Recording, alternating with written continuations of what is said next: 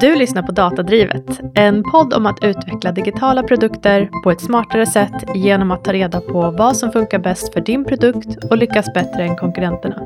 Vi som är dina poddvärdar heter Joni Lindgren och Jasmin Jaja och vi driver Skilla Studio. Hej Joni! Hej Jasmin! Och hej Björn! Hej Jasmin! Välkommen! Så vi har med oss Björn Idrén. Ehm, Du jobbar på Fyndiq. Ja. Vad heter din roll, eller dina roller? Eh, Jag är, sitter här som Chief Data Officer, men också sen i maj Chief Commercial Officer. Så säljchef som kan SQL, kan man säga. Inte så vanligt. Nej, Jag vi- tror du är enda personen jag har träffat som är säljchef och kan SQL. Ja, det är supernyttigt. Ja. Mm, Eller, eller om vi vänder på det, person som kan SQL som också kan sälj. Ja. Ja.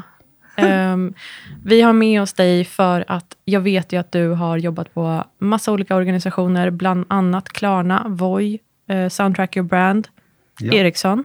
Ja. Eh, och eh, liksom alltid lyft upp data eh, och använt det som ett verktyg i att driva affären. Det är det, den bilden jag har av dig i alla fall. Vi har ju aldrig jobbat nära ihop, så du får jättegärna berätta. Har jag rätt eller har jag fel? Eh, nej, men jag tycker du har rätt. Det är, eh, jag, alla ställen jag har jobbat på så har det varit väldigt mycket data och väldigt mycket hands-on data för att visa både, både saker som inte fungerar men saker som också fungerar väldigt bra. Eh, så väldigt ofta blir det operationell dataanalys kan man säga. Och även bygga verktyg med hjälp av data för att förbättra det operationella. Vi hade ett avsnitt en gång, eh, Joni och jag, där vi frågade varandra, när var sista gången du blev wowad av data?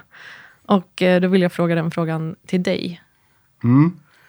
Ehm, jag, sk- ja, nästan varje dag. Vad härligt! Ja, Ja, coolt. eh, men, men det stora, liksom, riktigt kioskvältare var nog på Voi. När jag satt mest och lekte med att, att visualisera data på en karta. Och Voi passar väldigt bra för det. Eh, eller Voi-data då, hur folk åker. Och bland annat så var det en gång när, vi vis, när jag visade eh, eller mappade upp var blir man kund. Och eh, i sälj så sitter man ju alltid och vill tracka eller följa eh, var, ja, var blev man kund? Vilken kanal? Kom, blev man kund på Facebook eller eh, organiskt och så vidare? För Voi så var ju det vilken plats. För man, första gången man åker är där man blir kund. Och eh, det visade sig... Eh, ja, men där fick vi insikter som vi, som vi verkligen inte, inte kunde tänka oss fram. Utan det var... Eh, Dela, dela, Ja. berätta, berätta. ja, men bland annat här då, så den absolut största stället, det man mäter då, det är ju hur många åkningar sker i ett litet område. Man delar upp hela Stockholm i hexagoner och så säger man, kollar man hur många åkningar startar härifrån och hur många av dem var nya kunder. Och snittet då för hela Stockholm är 10% av alla åkningar är nya kunder. 400 meter bakom mig här, där vi sitter, ligger ju, ehm, åker ju Vikingbåtarna. 30% av alla åkningar där är från nya kunder. Och, och eh, med signifikant, alltså många åkningar. Och först tänkte jag, ja men det är någon här, det är personalen där som har hittat ett fraud-sätt. Så det är liksom kanske tio pers som bara nyttjar det här liksom. Eh, Så jag åkte dit och tittade och tyckte liksom, vad är det för något? Och, Jag älskar att Ja. när datan är annorlunda, då tänker man direkt så här, något är fel, Men det, är ska du göra. Ja. Det ska du göra. Mm. Ja, men jag älskar också att du åkte dit. Ja. Och, och jag hade ju sett, jag, jag anade ju att det hade med ankomst att göra. Och det, klockan tio och tre var två tydliga liksom, spikar i, i åkningar. Och då kommer ju båtarna in och då står det ju nästan 500 pers i kö och väntar på, på taxi. Och ska man ta sig därifrån ut, ut, eller liksom att gå, antingen får du gå längs till Slussen, längs med ja det är ganska fint men det är mycket bilar och lastbilar och grejer. Eller så får du gå uppåt söder. Och då är det ju liksom, det är uppförsbacke i 30 minuter om man ska gå till tunnelbanan. Ja, precis. Så varenda skoter som var där användes hela tiden då, eller fick enorm utilization då som man kallar det. Okej. Kan tänka mig att det här såg väldigt visuellt eh, också ut. Alltså, man kan ju typ, jag ser framför mig ett heatmap. Ja, Ehm, absolut. Och, och där, eh, det var ju en del av ehm, hela den här ehm, analysen eller rapporten som byggdes. Den gjorde vi skar det på andra sätt också. Så som att eh, var ehm, ställs skotrarna ut på, mor- eller på morgonen till exempel? Vilka områden och så vidare. Så man kunde använda det här verktyget till väldigt många grejer. Och jag tror om man fortsätter på wow-temat då så är ju nog det den rapporten som har gett mest wow i, i min karriär i alla fall. Att det var, vi tittade på den rapporten var skotrar ställs ut på morgonen i Oslo. Och Oslo var vår då, och det är det fortfarande, det är ungefär, ja det är Europas eh, huvudstad kring mobilitet, mikromobilitet. Det är Eh, Ställde vi, ställde vi ut 10 000 skotrar i Oslo så var, hade alla slut på batteri eh, innan kvällen var slut. Och ställde vi ut 15 000 så var det samma sak. Folk åker hela tiden. Och mycket tack vare att det är väldigt väl utbyggda cykelbanor. Man har haft eh, cykelsharing väldigt länge. Så man, man är liksom mogen kring det. Eh, men hur som helst, så det var ju liksom alla kopior vi hade var, visade att Oslo var ju liksom bästa stan. Vi var operationellt absolut bäst i Oslo. Och eh, men tog man den här rapporten och tittade på var ställer vi ut skotrarna så såg man direkt att, att eh, vi ställer ut alla skotrar på morgonen. Och det här var innan man kunde byta batterier och sånt, utan man åkte verkligen nu runt i en truck och hämtade alla skotrar, laddade dem i ett garage och sen körde man ut dem på morgonen. Och då såg vi att alla ställs i mitt i stan. Så centralt som möjligt på morgonen. Och i första tanken så här så, ja, ja det är väl bra, det är mest folk där. Och det var så personalen lokalt hade kommit fram till det här. De hade ju tittat på eh, data som visar, var öppnar man Voi-appen oftast? Ja, m- mitt i stan. Och det har ju med population density att göra. Att det är därför, det är inte att det är mest demand då, eller liksom att, att det är flest som vill åka där och göra, utan att det är mycket fler folk som rör sig där omkring. Och, eh, och om man då tänker lite kring det här. Det är väldigt få människor som vaknar på morgonen, går utanför dörren och står mitt i stan. ja. Man, man står i Stora Mossen eller i eh, Norra Ängby eller Midsommarkransen och ska in till stan. Och då är vi med, liksom, om man överdriver lite, med dieseltruckar på morgonen suttit och kört in dem mitt i stan. Medan folk vill åka till stan. Så att istället skulle vi kunna köra dem då utanför utkanten av stan och så kör folket in det. Och sen på kvällen så kör de ut. Ja. Men vad var det för data som hjälpte er att... Det var bara att visualisera det. Okej. Och, och det var eh, det som gjorde att man liksom, men vänta nu, vad händer här? Och det är precis det som är liksom operationell data. Åskådliggör man den åt folk eller åt personer eh, så kommer man hitta guldägg. Liksom. Det, Jo, men jag kan tänka mig att på samma sätt som ni kan se var ställer de vojen på kvällen, det är ju där de skulle vilja ta den ifrån. ja. Ja, så mm, Nu vill jag prata lite om vad som förutsättningen är för att man ska komma till den här sortens frågor. Alltså i efterhand, när man har datan, så, är det, så liksom blir det så självklara. Det blir så självklart. Men, men eh, det är ju inte liksom att det är inte att någon sitter och säger nu, nu är det alla de här frågorna som vi ska besvara på, så nu ska vi anställa en dataperson. Nej. Vilka förutsättningar krävs för att du eller ett team ska komma så djupt liksom, och hitta de här nuggets? Eh, det här skulle vi kunna göra en poddsäsong om, där jag är med hela tiden. Ja, tack. Ja. Låt oss börja nu. Ja, Ja. ja. men jag, det här tycker jag är så spännande. Det, dels så finns det ju det finns ju jättemånga arbetssätt som säger att om du ska jobba med dataanalys. och ska vara datadriven. Det absolut viktigaste är att ha ett objektiv först. Och liksom, vad är det du vill mäta? Eller om du ska göra ett AB-test. Så ska du liksom börja i den änden. Vad är jag ute efter?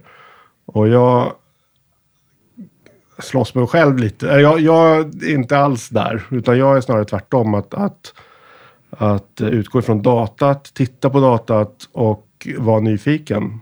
Och se vad du kan se.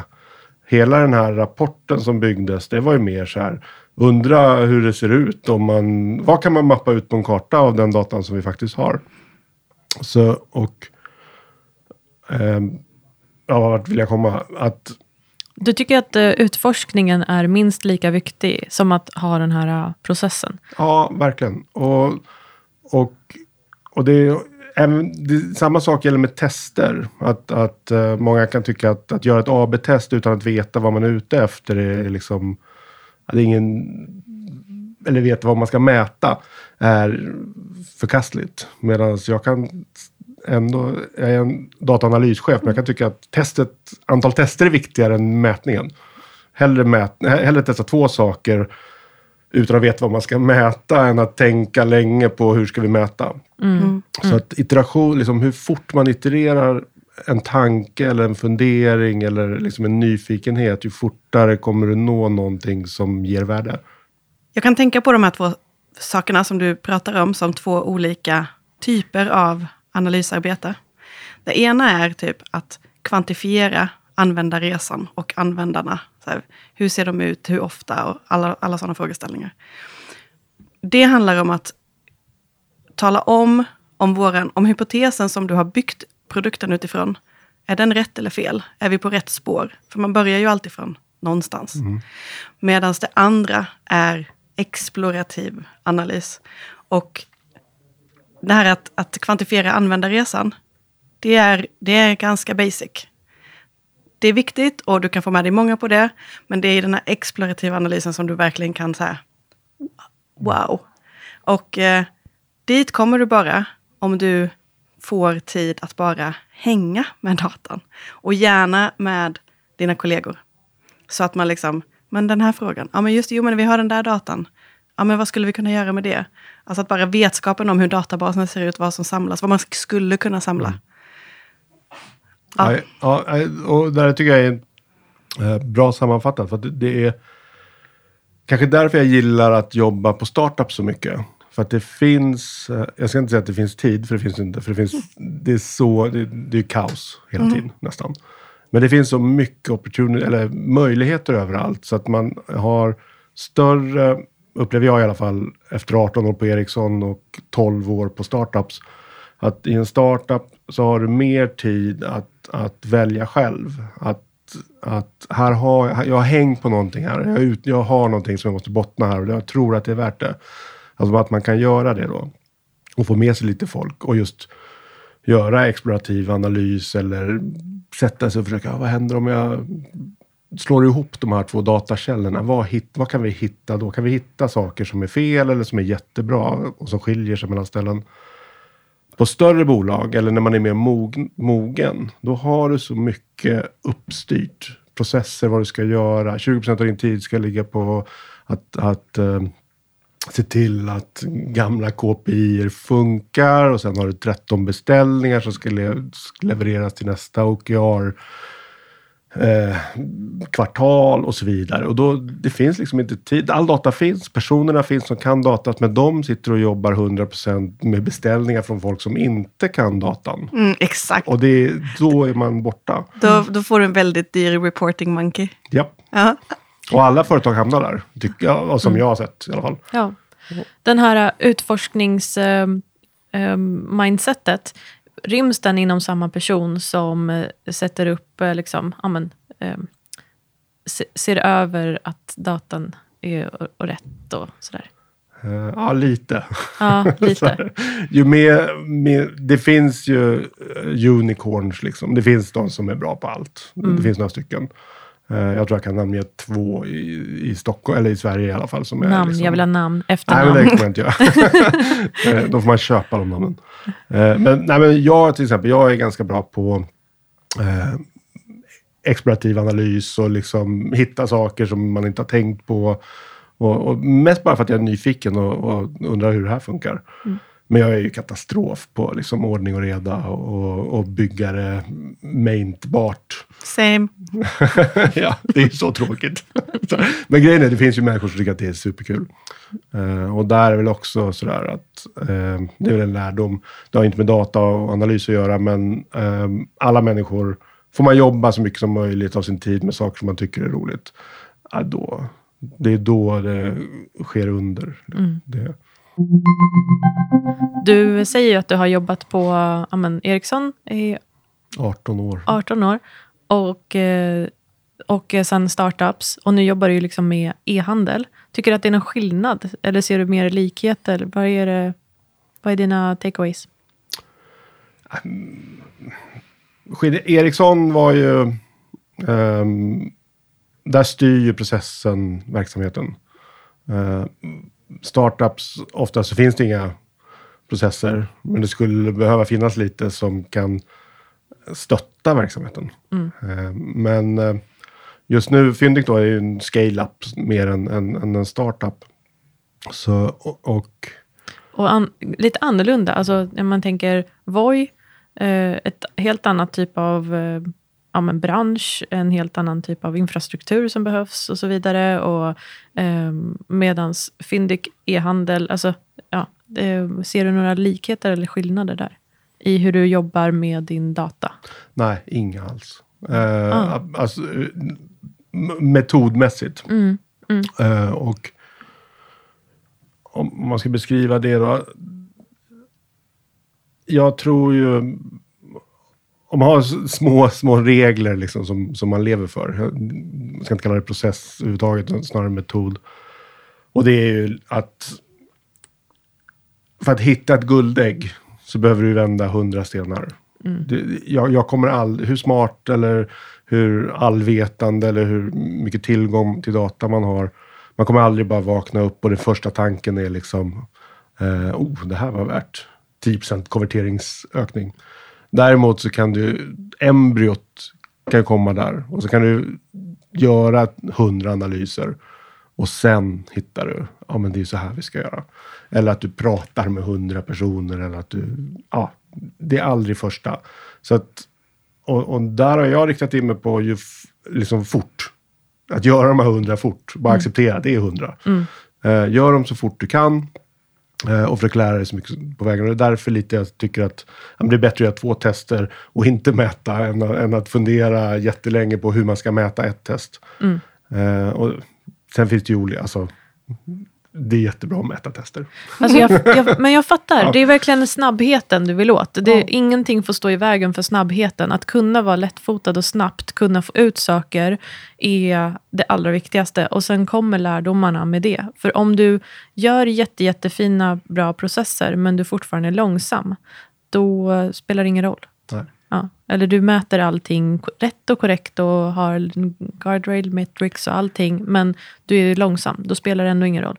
En grej som jag vill att alla som anställer analytiker, som obviously inte själva är analytiker, är just att de behöver höra att det tar lång tid att vända på de här hundra stenarna för att hitta guldäggen. Alltså, det, värdet av att analysera, att, att, att dra in en analytiker, det får du inte första veckan eller kanske ens första veckorna, utan det kommer ta ett, ett tag, men sen, då kommer det. Ja. Jag, har, jag har ett exempel från Klarna där, hur vi jobbade. Eh, Eh, där drev jag Data Warehouse-teamet och analysteamet. Och eh, där hade vi eh, en fikahörna där vi satt. Där folk satt och tog sina datorer och satt där och jobbade och stod i kö. För att få sätta sig bredvid mig eller två andra analytiker. Och då kom man med sina frågor. Och halva vår tid var liksom ad hoc för eh, liksom, vem som helst kan gå dit och bara, oh, hej jag har en kund som har undrat om demographics, eh, kan vi ta fram det? Och så säger man, ja vi sätter det här bredvid så, så visar jag. Och så får de sitta på när vi tar fram eller liksom svaret på frågan som deras kund har. Och det var så många häftiga effekter av det. Dels så satt ju liksom, det var ett stort runt bord där liksom tio pers satt och väntade på att, att få komma och prata med analysavdelningen. Eh, och, och de pratade ju sinsemellan, det blev lite som en sån här eh, jag vet inte det vad det kallas, men eh, vid kaffeautomaten liksom. Waterboy. Ja, exakt. Ja, mm. Ja, eh, så att mycket idéer föddes mellan de personerna som var där, trots att Klarna då var liksom 700 pers. ja, för de jobbar ju på olika delar av Klarna. Liksom. Mm. Så då kunde det bli tvärfunktionellt där. Ja, vad kul. Och sen när man satt och liksom visade, då, då många gånger så bara Jaha, vet vi det där? Ja, men det där skulle min andra kund gå igång på. Eller jag har en prospect här som... Alltså det hände så mycket bra saker när man visade och gjorde det tillsammans. Så åttonde gången den personen kom med saker, då var det ju liksom... Då kunde man sätta sig och bara skriva ner det som en kravspec. Det här är nog en bra rapport som alla ska ha. Liksom. Det visste man redan när personen kommer. För att då har de börjat tänka, eller börjat, ja, men de blir som en, som en dataanalytiker som vet vilken data som finns, vilken går att jobba, vad går att jobba med och så vidare. Och Det här där- pratar vi om att demokratisera datan. Det är Ja. som många organisationer pratar om. ja. Att- Och det är så mycket mer än att bara ha self-service. Ja, Det, verkligen. det måste, det, Ja.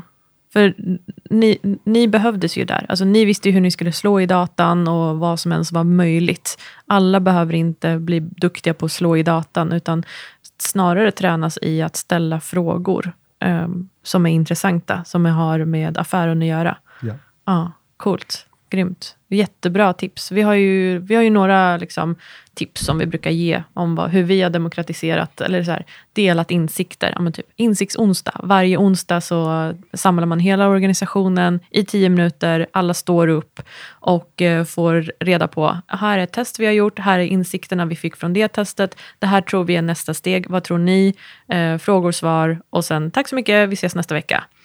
Och då helt plötsligt kommer det ju komma frågor också. Och eh, när man ser dem vid kaffeautomaten så kommer de ställa frågor. Och jag kan, jag kan prata med dem om att så här, det här är en grej som vi håller på med nu. Och lalala.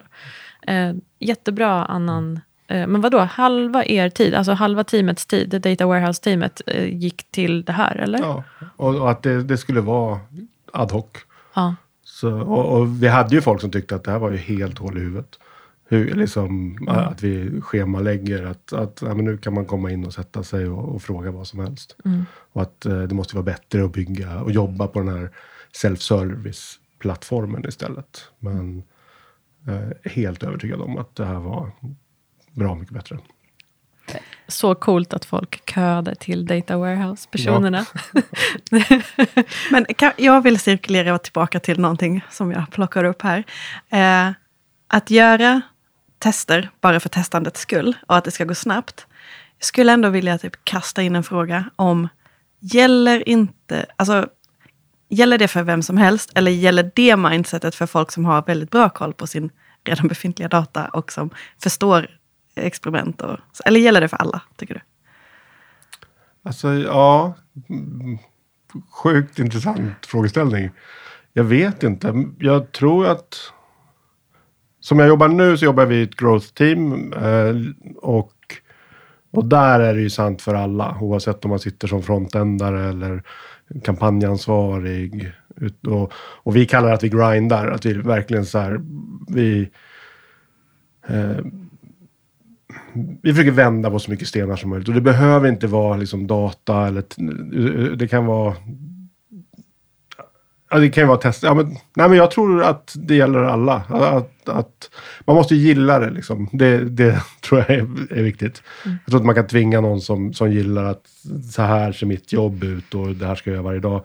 Att börja testa nya sätt att göra på. Nej. Men, Nej, för anledningen till att jag frågar det är för att vi har ganska ofta uppdrag där ett företag eller ett team ber oss om hjälp. Alltså, vi vill komma igång med att göra experiment. Och eh, det är viktigt för oss att få ut ett experiment. Eh, men vi märker också att de här personerna som aldrig, det är he- helt nytt för dem, allting är nytt. Eh, begrepp, eh, data, allt. Eh, vissa, de behöver liksom gå igenom vissa steg ja. eh, innan de kan komma dit. Jag vet, så här, rätt eller fel? Nej, men jag tror också, jag, tror, jag vet ju att om jag ser till mig själv och, och vårt team. Så liksom, inte varje dag, men var och varannan dag kommer vi på, liksom, har vi någonting som ligger i blockt eh, i, i, ja, i vår kanban. Liksom, som en, en bra idé som är blockt.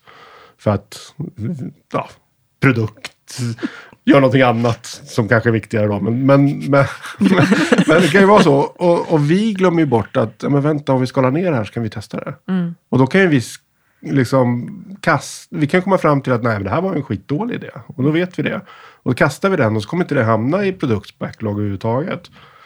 Eller vi kan ta bort den därifrån för den låg där först. Då. Men, men, men där tror jag att om vi som jobbar med det här och är growthare liksom, och dataanalytiker och, och om vi själva glömmer bort att, ja just det, vi kan ju testa enklare och, och, och experimentera. Eh, då, dels så tror jag att, att inte jobba med det så är det ju ganska hög tröskel. Men jag tror, att, jag tror nog att får man börja och, och öva sig på att, att tänka liksom. Det, på något sätt så tänker man också tvärfunktionellt och man börjar, vad händer om vi gör något helt annat? Eh, ja, nej, men jag, tror, jag, jag tror att man måste öva, öva Mm. på det. Jag gillar de här, det finns två frågor som jag gillar att ställa då. Den ena är, vad är det minsta som vi skulle kunna bygga för att validera det vi tror? Och näs, nästa fråga är, behöver vi bygga någonting alls? För då blir det någonting helt annat i eh, huvudet på de här personerna. Mm. Behöver vi bygga någonting alls? Mm. Och vad är svaret på det då? Tycker du? Nej, alltså ibland nej, ibland ja. Ja. Det beror på Ja. vad det är. Men för, för då måste du ju, då tvingar du hjärnan att tänka sig, vad är det jag egentligen vill ha svar på? Jag, jag trodde att vi behövde bygga ett sign-up-flöde här eller någon Ja. ja, lead generation. Men eh, ja, jag kanske kan bara gå ut på stan och fråga folk. ja. Visa dem någonting. Jag vet Eller- inte. Ja. Eller jag kanske bara kan smacka upp en knapp och så finns det inget bakom knappen. Men så mäter vi hur många som tryckte på knappen. Och bygga en knapp är inte att bygga. Nej. Du behöver Ja. inte bygga hela funktionaliteten som finns bakom knappen. Liksom. Ja. Ehm, pratade med en CPO, jag ska inte kasta honom under bussen, eh, men eh, på ett elbolag i- igår. Och då pratade jag lite med honom om att eh, brukar ni köra AB-tester eller inte? Ja, men vi kör, men det är mest för optimering. Eh, för att om vi ska göra det för helt ny funktionalitet, det kommer kosta oss ganska mycket. Och eh, då, det, det kan vi inte göra. Och jag menar ju på att man kan testa, precis som du pratar om Joni nu, att så här, testa och inte bygga. Att bara testa idén. Att testa liksom, snarare än att bygga hela funktionaliteten. Hur gör ni när ni eh, ska testa någonting eh, helt nytt? Hur, Mm. hur går ni tillväga? Eh, det är olika. mm, Bra svar. Men jag kan känna, alltså. Eh, en ganska lång tid så hade vi väldiga problem med vårt, AB, vårt default AB-testningsverktyg. Så att slog vi på det så slutade andra vitala delar att funka. Så vi kunde inte köra AB-tester ganska länge. Och då tvingade vi oss själva att, att liksom, ja, men, kan vi testa det här på något annat sätt? Ja, men vi kan ju göra ett AB-test i vårt nyhetsbrev. Eller vi kan göra en fake-sida här, se hur många som klickar. Vi kan, det finns alltid olika sätt man kan testa det på. Just produktutveckling, om, eh, för nya features, så har vi det vi försöker jobba med. Vi är inte, vi är inte framme än. Men där har vi verkligen en metod som jag tycker är superbra. Och, eh, och den har jag ju kört på andra ställen också. Men det är just att, att med data, med verktygen som finns i data idag till exempel. Om vi, om vi pratar eh, om vi pratar interna verktyg, liksom att bygga interna operationella verktyg. Då kan dataavdelningen bygga en, en fungerande prototyp med hjälp av ja, Tableau eller, eller ett annat sånt verktyg för att testa funktionen. Och sen kan det gå in som, funkar det och det blir en rapport eller ett verktyg som är affärskritiskt fort, vilket ofta är, blir. Då kan det gå in som kravställning till, core, eller till produkt för att bygga det i liksom core-plattformen. Men det är interna verktyg och, och, och det funkar så bra. Eh, och för externa, eller liksom, om man säger för e-handel. Vi har ett test nu som vi, som vi ska göra för att försöka få folk att använda filter mer. Eh, eller filtrering på sökresultat. Och där är det också så här, vi kan lägga det som ett ticket på produkt och så kan de bygga det Och då, tänk, då kör ju de sin produktutvecklingsprocess där de tänker, kollar på andra, hur gör de och så vidare. Förmodligen kommer det inte bli någon AB-testning. Eh, men det blir förmodligen bra och det, tar, liksom, och det kommer ta den tid det tar för produkt att bygga en bra feature. Eh, och, eller så kan growth-teamet med en frontändare göra det good enough, göra ett AB-test, se...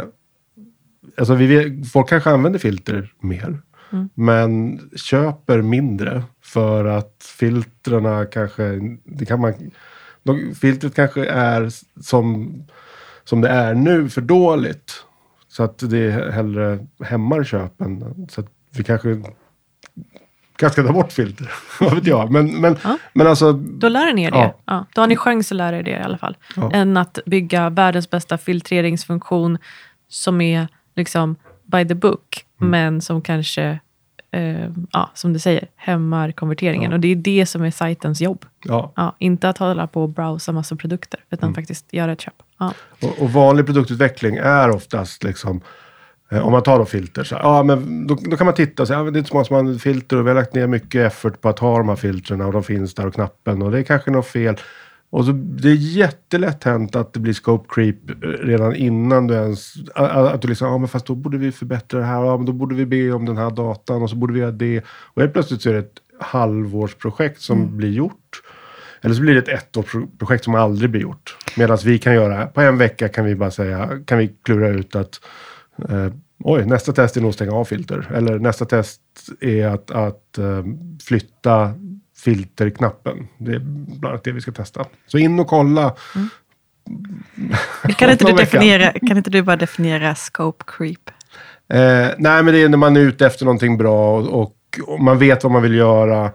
Och, och så bara växer det. Det, det. det blir liksom, ja fast då måste vi också göra det här och så det här och så här. Och så till slut, ganska fort så har du tappat grundidén.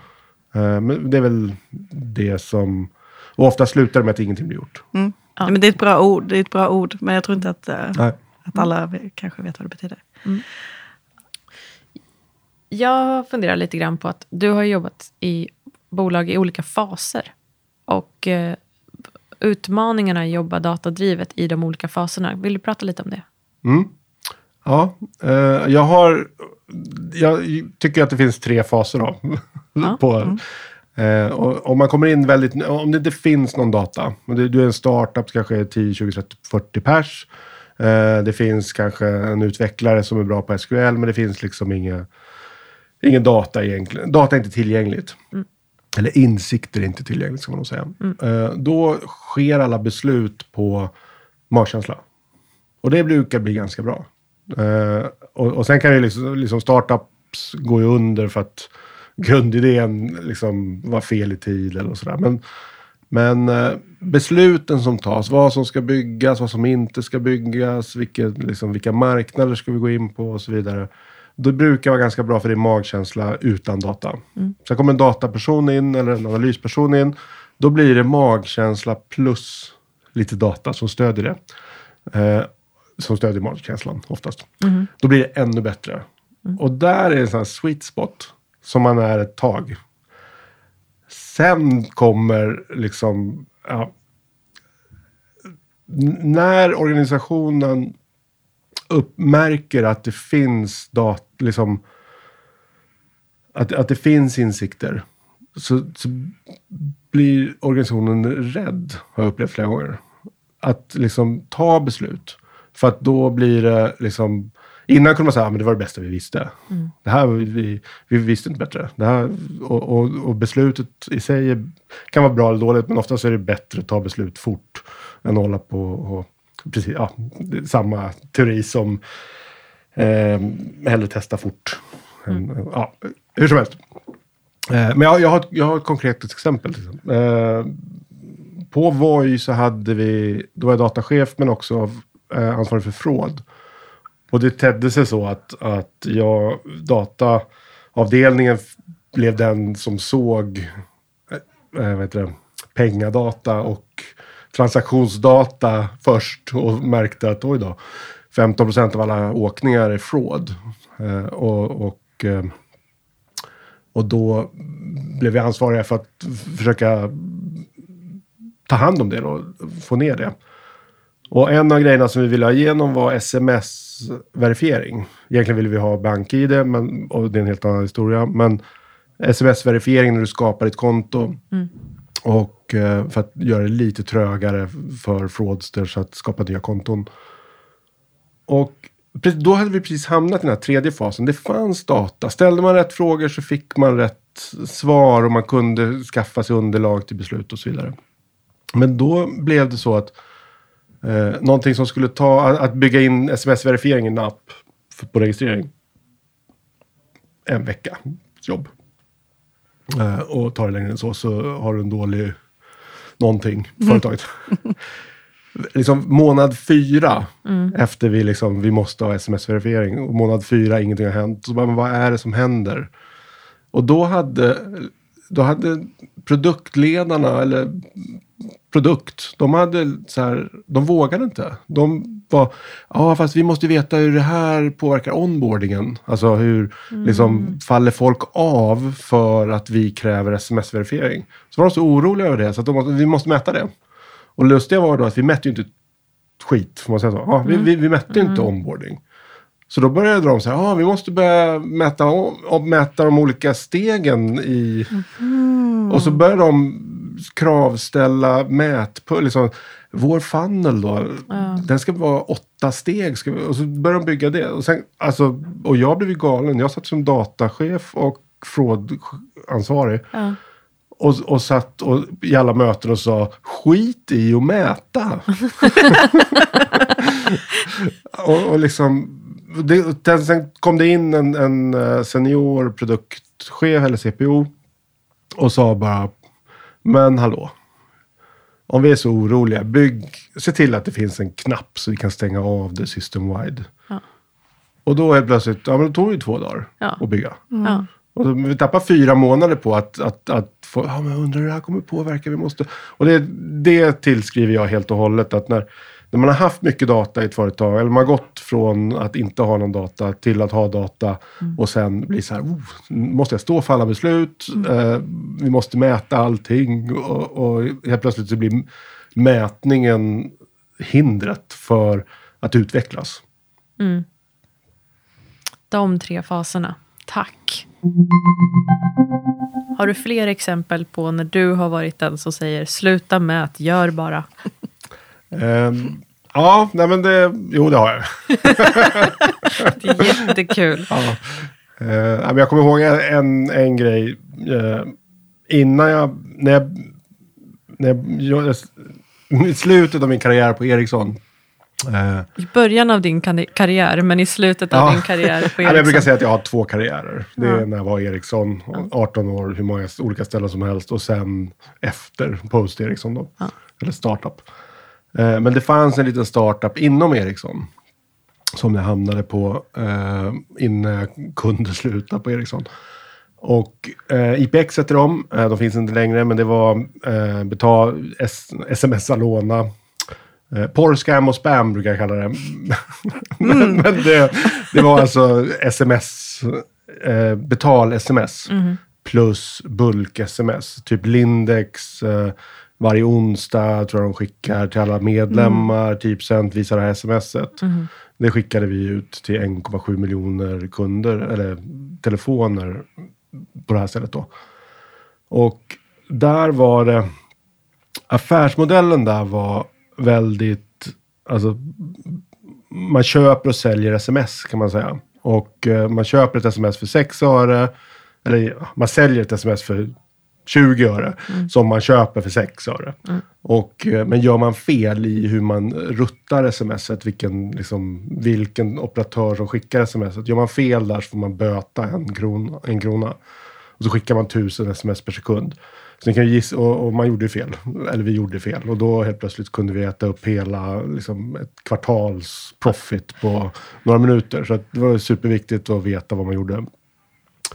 Hur som helst. Och eh, vi hade ett problem där med, med säljare som hade kunder där de hade sålt för lågt, till för lågt pris. Så att liksom snittkosten var för högre än, än, eh, än vad vi sålde för. Så vi gick back på massa kunder. Och det här höll vi på att jiddra om. Eh, ja, I management och, och ja, på alla nivåer. Om hur det skulle liksom fixas. Och det gjordes modeller med liksom så här sälj... Eller, ja, eh, vi drar det från säljarnas provis. eh, vi, eh, vi bygger ett regelverk för hur mycket, liksom, hur mycket upp och ner får man laja med priset. Och, och liksom mass, och, och det började byggas liksom systemstöd. Och det här var i början av min datakarriär. Så att jag hade precis fått, re, fått liksom tillgång till data. Så medan det höll på att jiddras om det här, hur det skulle säkerställas, så gjorde jag en rapport till, och det här var, en, ja, men det var nog min första rapport jag gjorde. Eh, jag gjorde det i Cognos. Eh, ja, riktigt såhär dinosaurieverktyg. Säkert jättebra fortfarande, men, men hur som helst. Jag gjorde det i den, skickade ut till alla säljare. Här är dina kunder förra månaden och så visade jag gross eller liksom hur mycket vinst de hade gjort. Eller hur mycket vinst företaget hade gjort. Mm. Och vad hände? Liksom, de, de säljare som hade negativa eh, kunder. Ja, men det första de gjorde var att ringa och säga hej, vi måste förhandla om priset. Ja, du menar att de kunde tänka själva? De Ja, behövde inte nej, systemstöd. nej. Tänka, Ja. säg. Wow, ja, coolt. Och det var, ja, och det var en uppenbarelse för mig. Det var, också, det var min första wow då. Liksom. Att, och, och jag hittade sen ett citat som stöder det här. Då, det är Janne Karlsson. Eh, en person utan data kan inte ta ansvar. Och en person med data kan inte, eller med information. En person utan information kan inte ta ansvar. Och en person med information kan inte låta bli att, inte ta, ansvar, att ta ansvar. Så att, och det har jag sett massor med gånger. Visar man bara så, "Men det här är inget bra, det här måste jag göra någonting åt. Ehm, Gud vad coolt. Mm. Ja, bra. Och systemstöd som du sa. Shit, där finns det. där och där, det, det är nästan, det, det är liksom. Det är nästa säsong. Ja, ja. ja, men, och, och också alla ställen. Jag liksom, ska inte basha någon, men, men alla ställen man tittar på så fastnar man oftast i det där kan vi inte göra någonting åt. För vi behöver systemstöd. Istället för, ja men vänta kan vi göra, och, ja, fyndigt då, ta ett nuvarande exempel. Eh, när jag kom dit så hade vi, jag kommer inte ihåg, men flera miljoner artiklar. Och, eh, och, och då var det liksom, men hur, vi, ska, vi, ska vi göra någonting bättre med några artiklar? Eller ska vi liksom kurera artiklarna? Eh, och eh, nej, men vi har ju, liksom, det går inte. Vi är 40 pers. Vi kan inte kurera 8 miljoner artiklar, det är helt omöjligt. Nej, men vi kanske kan kurera topp 1000. Eller topp 100, eller topp 10. Vi, vi kurerar topp 10 och ser vad som händer. Och där är också så här, det är, ja, det är så lätt att hamna i att, att enda sättet att lösa det här problemet är att produktbygger någonting eller att vi köper in ett system som gör någonting och så börjar man leta efter det istället för att titta Finns det något enkelt sätt vi kan validera att, att vi ska kurera artiklar eller inte? Finns det något enkelt vi kan göra ehm, efter det? Oftast finns det ju ja, jag har nog aldrig varit med om att, att det här systemstödet varit sant. Att, att vi kan inte göra något förrän vi har ett system. Verkligen. Alltså, okej. Summering av det du säger är, gör bara. Få ut någonting fort. Validera att topp 10 ens är viktigt att göra. Och sen kan vi automatisera efter det. Ja, Och om det behövs. Och sen kan vi använda oss av teknik. Men gör saker som inte skalar helt enkelt i början. Och så får man se, eh, finns det värde i att bygga någonting som skalar? ja precis. Och, och gärna då om jag ska skicka med någonting. Försök, det finns ett uttryck, eh, uh, align the ducks in a row. ja, men liksom att, att man, uh, uh, man gör det så enkelt för testet som möjligt. Om, om vi till exempel på Fyndig ska testa ett affiliate-program med kreatörer. Istället, nu är det hyfsat enkelt att bygga och, och göra, men, men om vi ska testa det utan systemstöd, ja, men då kan vi väl testa det med, med, med den kreatören som vi tror passar bäst. Och, och med de produkter som vi tror passar bäst för att få ett så bra test som, liksom, om, om det var en perfekt storm av perfekt. Mm. Att, att vi gör testet så. Många testar, gör tester liksom på eh, liksom någon medelväg snarare. Att, att man testar, ja men allting kommer inte vara perfekt när vi har systemstöd eller när vi har byggt det här. Men jag tycker att det, det är bättre att sikta på att ge testet så bra möjligheter som möjligt att lyckas. Ja, det du säger är också att, att inte testa litet. Att verkligen ha stor skillnad mot jämfört vad det är idag. Då, Ja. då kan du ju verkligen se, är det verkligen värt? När vi ger det det bästa möjliga, får vi ens något? Om vi inte ens får någon skillnad då, om det Ja, inte blir någon precis. förändring då, då är det inte värt det överhuvudtaget. Och hellre testa st- liksom, sök. Liksom sökrutan på webben. Ja, men gör den extra stor. Om man ska liksom... om, om, man tänker, om, om vi sitter och funderar på att, att eh, den borde vara större för att eh, vi ser att vi har x procent bättre konvertering om man söker. Eh, eller gör den jättestor då som ett test bara för att se vad händer då. Ja. Björn säger don't half-ass shit. Ja, gör det och mena det. Ja, exakt. Ja. Tack så jättemycket Björn Idrén. Tack för att du kom och delade med dig av dina fantastiska bra erfarenheter. Väldigt konkreta och bra tips. Och tack Joni. Tack själv. Ja, tack själva, det var jättekul. Du har lyssnat på Datadrivet. Har du frågor om hur du och ditt team kan komma igång med att jobba datadrivet så kan du höra av dig till oss på LinkedIn. Där heter vi Joni Lindgren och Jasmin Jaja. Eller gå in på Skilla Studio. S-C-I-L-L-A.